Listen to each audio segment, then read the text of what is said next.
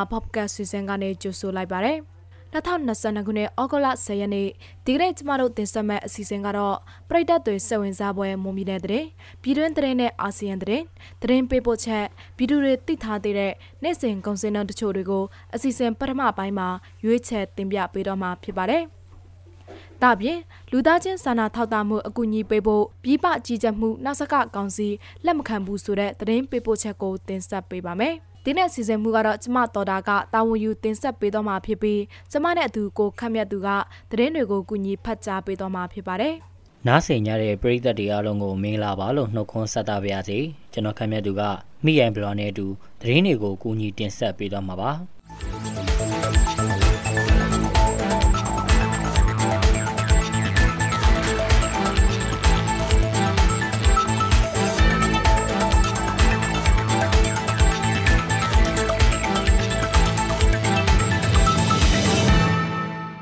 မွန်ပြည်နယ်မှာခုရက်ပိုင်းအတွင်း73စီစဉ်အောင်ပြည်လည်မြင့်တက်လာပြီးနောက်ဈေးကွက်အတွင်း73စီပြည်လည်မှုနဲ့ပါထပ်မံကြုံတွေ့နေရတယ်လို့73စီအယောင်းဆိုင်တွေကသိရပါဗျ။ပြီးခဲ့တဲ့ရက်ပိုင်းကဓာတ်စီ95တလီတာဟာတလီတာကျပ်1900လောက်သာရောင်းဈေးရှိခဲ့ပြီး3ရက်အတွင်းကျပ်2000ဝန်းကျင်ထိဈေးနှုန်းမြင့်တက်လာခဲ့ပါတယ်။ဒါ့အပြင်ပရီမီယံဒီဇယ်ကလည်းတလီတာကိုကျပ်2000ကျော်ကနေ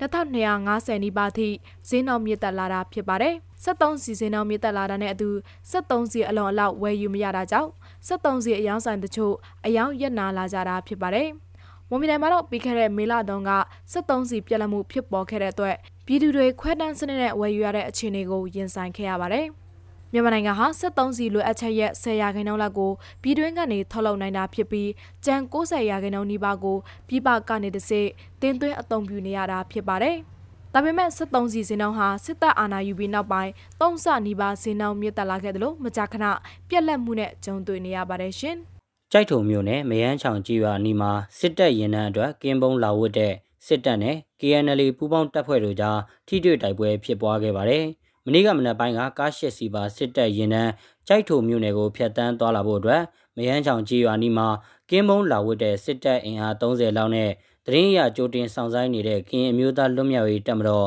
KNL ပူးပေါင်းတပ်ဖွဲ့တို့ကြားမှာထိတွေ့တိုက်ပွဲတွေဖြစ်ပွားခဲ့တာပါ။နိုင်ဝက်နီးပါးကြာဖြစ်ပွားခဲ့တဲ့နှစ်ဖက်ထိတွေ့တိုက်ပွဲမှာစစ်တပ်ဘက်ကတအူးသေဆုံးပြီးသုံးထပ်မံထိခိုက်ဒဏ်ရာရရှိခဲ့သလို KNL ပူးပေါင်းတပ်ဖွဲ့ဘက်ကအထိခိုက်တစုံတရာမရှိဘဲဆုတ်ခွာနိုင်ခဲ့တယ်လို့ KNL ဘက်ကတာဝန်ရှိသူတူကပြောပါတယ်။ ဒါပေမဲ့နာဆကကောင်စီဘက်ကတော့ကြိုက်ထိုလမ်းပိုင်းမှာထိတွေ့တိုက်ပွဲတွေနဲ့ပတ်သက်ပြီးယနေ့ထိတစုံတရာထုတ်ပြန်လာတာမျိုးတော့မရှိသေးပါဘူး။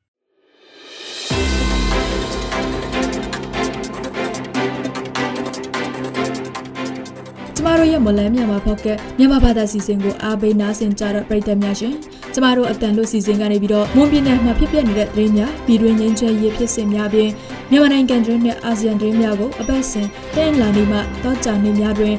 9:00နာရီအချိန်တွင် Mon New Agency Facebook စာမျက်နှာတွင်ဝင်ရောက်နားဆင်နိုင်လို့မလဲမြန်မာဖောက်ကစာမျက်နှာတွင်လည်းဝင်ရောက်နားဆင်နိုင်ပါပြီအားပေးကြတဲ့ပရိသတ်များအားလုံးကိုကျေးဇူးတင်ပါတယ်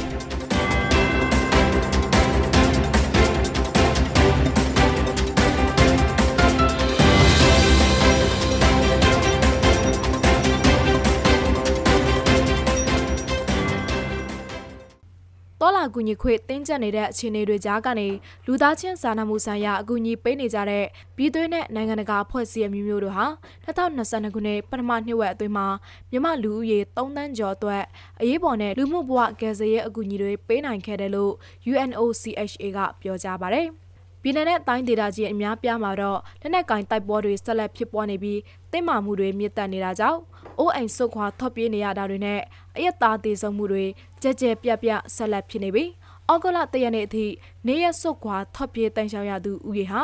တစ်တရမ2တန်းကျော်ရှိခဲ့ပြီးဖြစ်တယ်လို့ဆိုပါတယ်။ဒါပြင်ရခိုင်ပြည်နယ်ရှမ်းပြည်နယ်မြောက်ပိုင်းနဲ့တနင်္သာရီတိုင်းဒေသတို့မှာ စစ်တပ်ကဝင်ရောက်စီးနင်းတာစစ်စရေးဂိတ်တွေမှာလုံခြုံရေးပုံမိုးတင်ကြပ်တာတွေနဲ့အရက်သားတွေကိုဖမ်းဆီးထောင်ချတာတွေပြီးခဲ့တဲ့ရက်တပတ်အတွင်းမှာဖြစ်ပွားခဲ့တယ်လို့မိဖက်အဖွဲ့အစည်းတွေနဲ့ဒေတာခံမီဒီယာတွေရဲ့အချက်လက်တွေအရကုလသမဂ္ဂလူသားချင်းစာနာမှုဆိုင်ရာညှိနှိုင်းရေးယုံ UNOCHA ကဖော်ပြထားပါတယ်ရှင်။ မြန်မာကျပ်ငွေနဲ့လဲလှယ်တဲ့အမေရိကန်ဒေါ်လာဈေးမြင့်တက်လာတာနဲ့လမ်းမဆက်သွယ်ရေးမကောင်းတာကြောင့်ရခိုင်ပြည်နယ်မောင်တောနယ်စပ်ကုန်သွယ်ရေးစခန်းကနေဘင်္ဂလားဒေ့ရှ်နိုင်ငံကိုကုန်သွယ်မှုကျဆင်းနေတယ်လို့နယ်စပ်ကုန်သွယ်ရေးစီကသိရပါဗျ။မောင်တောမြို့နယ်ဝေတာလီဦးတောင်73မိုင်လမ်းပိုင်းမှာမိုးရွာပြီးလမ်းတွေပျက်စီးနေလို့ကုန်ကားကြီးတွေနဲ့အေးကန်းပါငမေရှင်းကားတွေ တွာလာရခက်ခဲနေပြီးလက်ရှိဒေါ်လာဈေးကလည်းဒေါ်လာကို2900ကျပ်အထိမြင့်တက်နေတာကြောင့်တစ်ဖက်နိုင်ငံနဲ့ကုန်သွယ်မှုကျဆင်းနေတာပါမောင်တောနယ်စပ်ကုန်သွယ်ရေးစခန်းကနေဘင်္ဂလားဒေ့ရှ်နိုင်ငံကိုဇွန်လမှာငမြချင်းတန်ချိန်1200ကျော်တင်ပို့နိုင်ခဲ့ပေမဲ့ဇူလိုင်လမှာတော့တန်ချိန်906တန်သာပို့နိုင်ခဲ့ပါတယ်။ဇွန်လရဲ့ကုန်သွယ်မှုပမာဏကအမေရိကန်ဒေါ်လာ1.32ဒေါ်လာတန်းရှိခဲ့ပေမဲ့ဇူလိုင်လမှာတော့1.65နှစ်ဒေါ်လာတန်းဖို့သာကုန်သွယ်နိုင်ခဲ့တယ်လို့ မောင်တောနယ်စပ်ကုန်သွယ်ရေးစခန်းရဲ့တရားဝင်ကိန်းဂဏန်းတွေအရသိရပါဗျ။မြန်မာနိုင်ငံမှာစစ်တပ်အာဏာယူပြီးနောက်အချိန်တစ်နှစ်ခွဲကျော်အတွင်းလုံခြုံရေးအခြေအနေတွေကြောင့်ထိုင်းမြန်မာနယ်စပ်နဲ့ထိုင်းနိုင်ငံဗချမ်းကိုထော့ပြေးတင်ဆောင်နေရတဲ့ဒုက္ခသည်တသိန်းခွဲကျော်ရှိတယ်လို့လေ့လာစောင့်ကြည့်နေသူတွေနဲ့ရွှေ့ပြောင်းဒုက္ခသည်တွေအရေးကူညီဆောင်ရွက်နေသူတွေကပြောပါတယ်။ အဲ့ဒီထဲမှာနိုင်ငံရေးတက်ကြွလှုပ်ရှားသူတွေသတင်းမီဒီယာသမားတွေနဲ့စစ်တပ်ရဲ့ဖမ်းဝရမ်းထုတ်ခံထားရသူတွေအများဆုံးပါဝင်ပြီးတချို့ကလည်းတရရနိုင်ငံတွေစီကိုဆက်လက်ထုတ်ခွာတာတွေလည်းရှိနေတယ်လို့ဆိုပါတယ်။နက်ဇက်ကိုထွက်ပြေးလာကြရတဲ့လူ၁၀ဦးမှာခုနှစ်ဦးခန့်ဟာစာဝတ်နေရဲ့အစမပြေပဲထမင်းနဲ့မအောင်မစားရတဲ့အပြင်တချို့လူတွေဆိုအမိုက်ကောက်စားနေရတယ်လို့ထိုင်းနိုင်ငံရောက်ရွှေ့ပြောင်းဒုက္ခတဲ့အရေးကူညီဆောင်ရွက်ပေးနေသူတွေကပြောပါတယ်။ အဲ့ဒီဒုက္ခတဲ့တွေဟာထိုင်းမြန်မာနယ်စပ်မဲဆောက်ရနောင်မဲဆိုင်စတဲ့ဂိတ်တွေကနေတစ်စိထိုင်းနိုင်ငံထဲရောက်ရှိလာကြတာဖြစ်ပြီးအဲ့ဒီအဲမှာမဲဆောက်ဂိတ်ကတော့လာရောက်သူအများဆုံးဖြစ်တယ်လို့ဆိုကြပါတယ်။လက်ရှိထပ်ပြေးတိုင်ဆောင်နေရတဲ့ဒုက္ခတဲ့အရွယ်တော့ဟာအခုညပေးနိုင်တဲ့ပမာဏထက်ပိုများတာကြောင့်ရေရှည်ဖြစ်စည်းနိုင်မှာမဟုတ်ဘူးလို့လည်းဒုက္ခတဲ့ရေကူညီတဲ့အဖွဲ့အစည်းတွေကပြောဆိုနေကြပါတယ်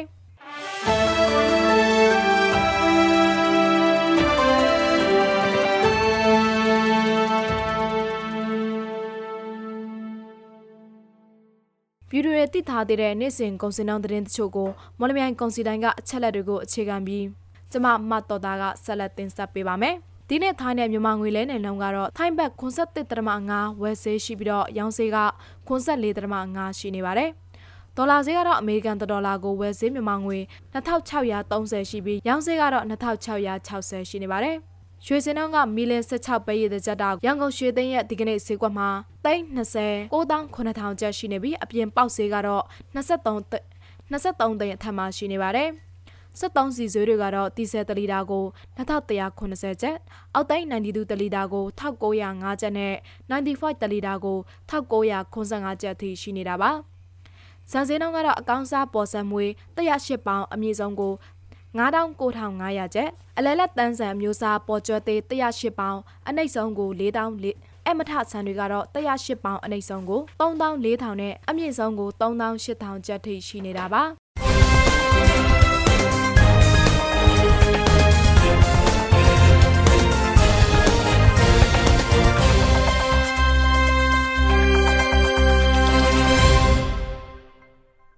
အခုတင်ဆက်ပေးတော့တာကဩဂုတ်လ10ရက်နေ့မှာဖြစ်ပျက်ခဲ့တဲ့မူမီနယ်တဲ့ပြည်တွင်းသတင်းနဲ့အာဆီယံသတင်းတွေအပြင်တနေ့တာစီစေးငွေစင်းနဲ့ကုန်စည်နှုန်းတွေကိုတင်ဆက်ပေးတော့တာဖြစ်ပါတယ်။ဆက်လက်ပြီးတော့လူသားချင်းစာနာထောက်ထားမှုအကူအညီပေးဖို့ပြည်ပကြီးကြပ်မှုနှဆကအကောင်စီလက်မခံဘူးဆိုတဲ့သတင်းပေးပို့ချက်ကိုစတောင်းနွန်ကတင်ဆက်ပေးပါမယ်။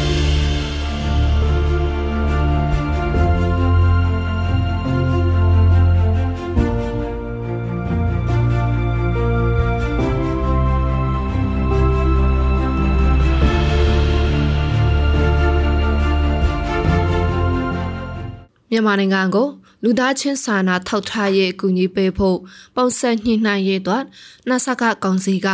လိုအပ်တဲ့ပူးပေါင်းဆောင်ရွက်တာမရှိဘူးလို့မလေးရှားနိုင်ငံသားရေးဝန်ကြီးမနေ့ကပြောဆိုခဲ့တာနဲ့ပတ်သက်လို့နှဆကကောင်စီဘက်ကခုလိုတောက်ပြန်လိုက်ပါတယ်။လူသားချင်းစာနာထောက်ထားမှုအကူအညီပေးရေးကိစ္စတွေမှာကျွန်တော်တို့ရဲ့ဆိုးရရဲ့မူဝါဒအတိုင်းပဲသွားပါ။အဲကျွန်တော်တို့နဲ့သူတို့ ရောက်စေချင်တဲ့နေရာ၊ပို့စေချင်တဲ့နေရာကို ရောက်အောင်လုပ်ပေးမယ်ဆိုတာ ကျနော်တို့ အာမခံပြီးဖြစ်တယ်။သို့သော် တချို့နေရာတွေမှာတော့ သူတို့အနေနဲ့ကတော့ ကိုယ်တိုင်ပေါ့နော် ကြီးကြပ်လုပ်ဆောင်စေချင်တဲ့ သဘောရှိတယ်။နိုင်ငံတကာမှာလည်း အဲဒီလိုမျိုး မရှိပါဘူးဗျ ဒီအရင်နဲ့ ပတ်သက်ပြီးတော့ ကျွန်တော်တို့အနေနဲ့ကတော့ဒါရခိုင်ရတဲ့ကိုယ်လင်းတော်ပြီးဖြစ်တယ် ဥပမာအနေနဲ့ ကျွန်တော်တို့ဒီဂျပန်နိုင်ငံအကူအညီတဲ့ အကူအညီတွေပေါ့ဒီဒီပေါ်ဖောင်ဒေးရှင်း အဲအဲ့ရနဲ့ကူညီတဲ့အကူစာနေကူညီတာရှိတယ် ဘယ် EO တွေကို ပို့ပေးပါ ဘယ်ဒီတော့ပို့မှကျွန်တော်ကြောင်းပို့ပေးနိုင်ကြတယ်ကြောင်းပို့လည်း ပို့ပေးကြတယ် လက်တွေ့လည်းလောက်ဆောင်လို့ပြီးဖြစ်တယ် ကိုဗစ်အစီအစဉ်မှာလည်း ဒီအတိုင်းပဲ ဖြစ်ပါတယ်အဲကျွန်တော်တို့အနေနဲ့ကတော့ဒီနိုင်ငံတော်အစိုးရရဲ့ ကြီးကြပ်မှုပေါ့နော် ပြီးတော့ဦးကြီးဦးလိုက်တော့ဦးပြီးတဲ့အဖွဲ့ဦးကြီးဌာနတွေအောင်းတော့ပါဝင်တဲ့အဖွဲ့တွေရဲ့ ကြီးကြပ်မှုတွေပဲ ကျွန်တော်တို့ဒါဆက်လက်လှုပ်ဆောင်ပြီးတော့မှဖြစ်ပါတယ် လူသားချင်းစာနာထောက်ထားမှုအကူအညီပေးဖို့မြန်မာအလုပ်ဖွဲ့ကိုဖွဲ့စည်းရမှာနိုင်ငံတကာကြက်ချင်တွေဖွဲ့နဲ့အာဆီယံနိုင်ငံတွေကအရက်ဘတ်ဖွဲ့စည်းတွေပါဝင်ကြဖို့ချမှတ်ခဲ့ပေမဲ့လိုအပ်တဲ့ဘူပေါင်းဆောင်ရွက်မှုမရခဲ့ဘူးလို့မလေးရှားနိုင်ငံသားရေးဝန်ကြီးကဆိုပါတယ်နိုင်ငံတကာဖွဲ့စည်းကအသိပယ်ရှိရှိ အလောက်ဖွဲ့မှာပိုပြီးပါဝင်ဖို့လိုလားပါတယ်လို့မလေးရှားနိုင်ငံသားရေးဝန်ကြီးကဆိုပါတယ်။ ဒါနဲ့ပတ်သက်လို့ဗိုလ်ချုပ်စောမင်းထွန်းကတော့အခုလိုတောက်ပြန်ပြောဆိုထားပါတယ်။နိုင်ငံတကာမှာမြည်သည့်နိုင်ငံမှာပေါ့နော်အဲသူတို့နိုင်ငံအပါဝင်ဘယ်နိုင်ငံမှာမဆို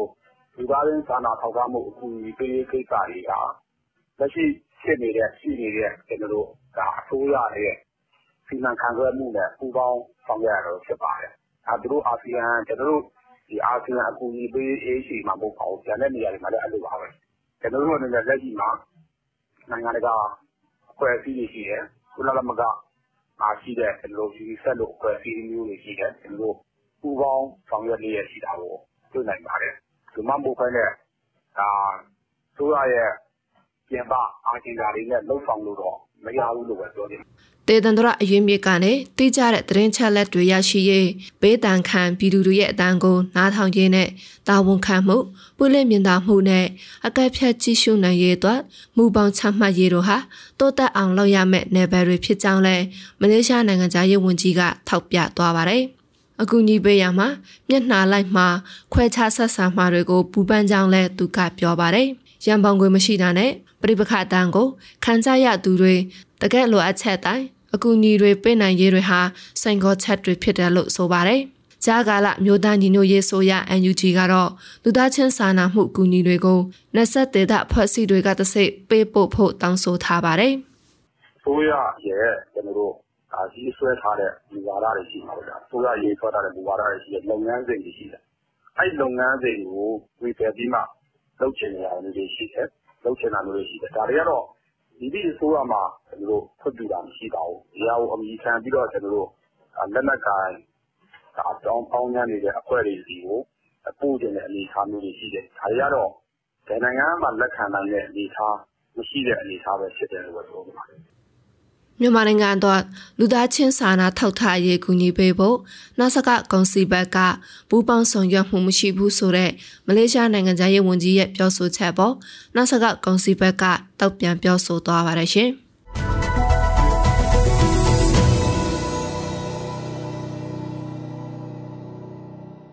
ကျွန်တော်တို့ရဲ့မွန်လန်းမြန်မာပေါ့ကတ်စီစဉ်ဒီမှာရင်ပြီးဆုံးပါပြီ။နားဆင်ကြတဲ့ပရိသတ်တွေအားလုံးကိုနောက်နေ့အစီအစဉ်တွေမှာဆက်လက်အားပေးကြပါအောင်လို့ဖိတ်ခေါ်ရင်းအစီအစဉ်ကိုအဆုံးသတ်ပါရစေ။အားလုံးကိုကျေးဇူးတင်ပါတယ်ခင်ဗျာ။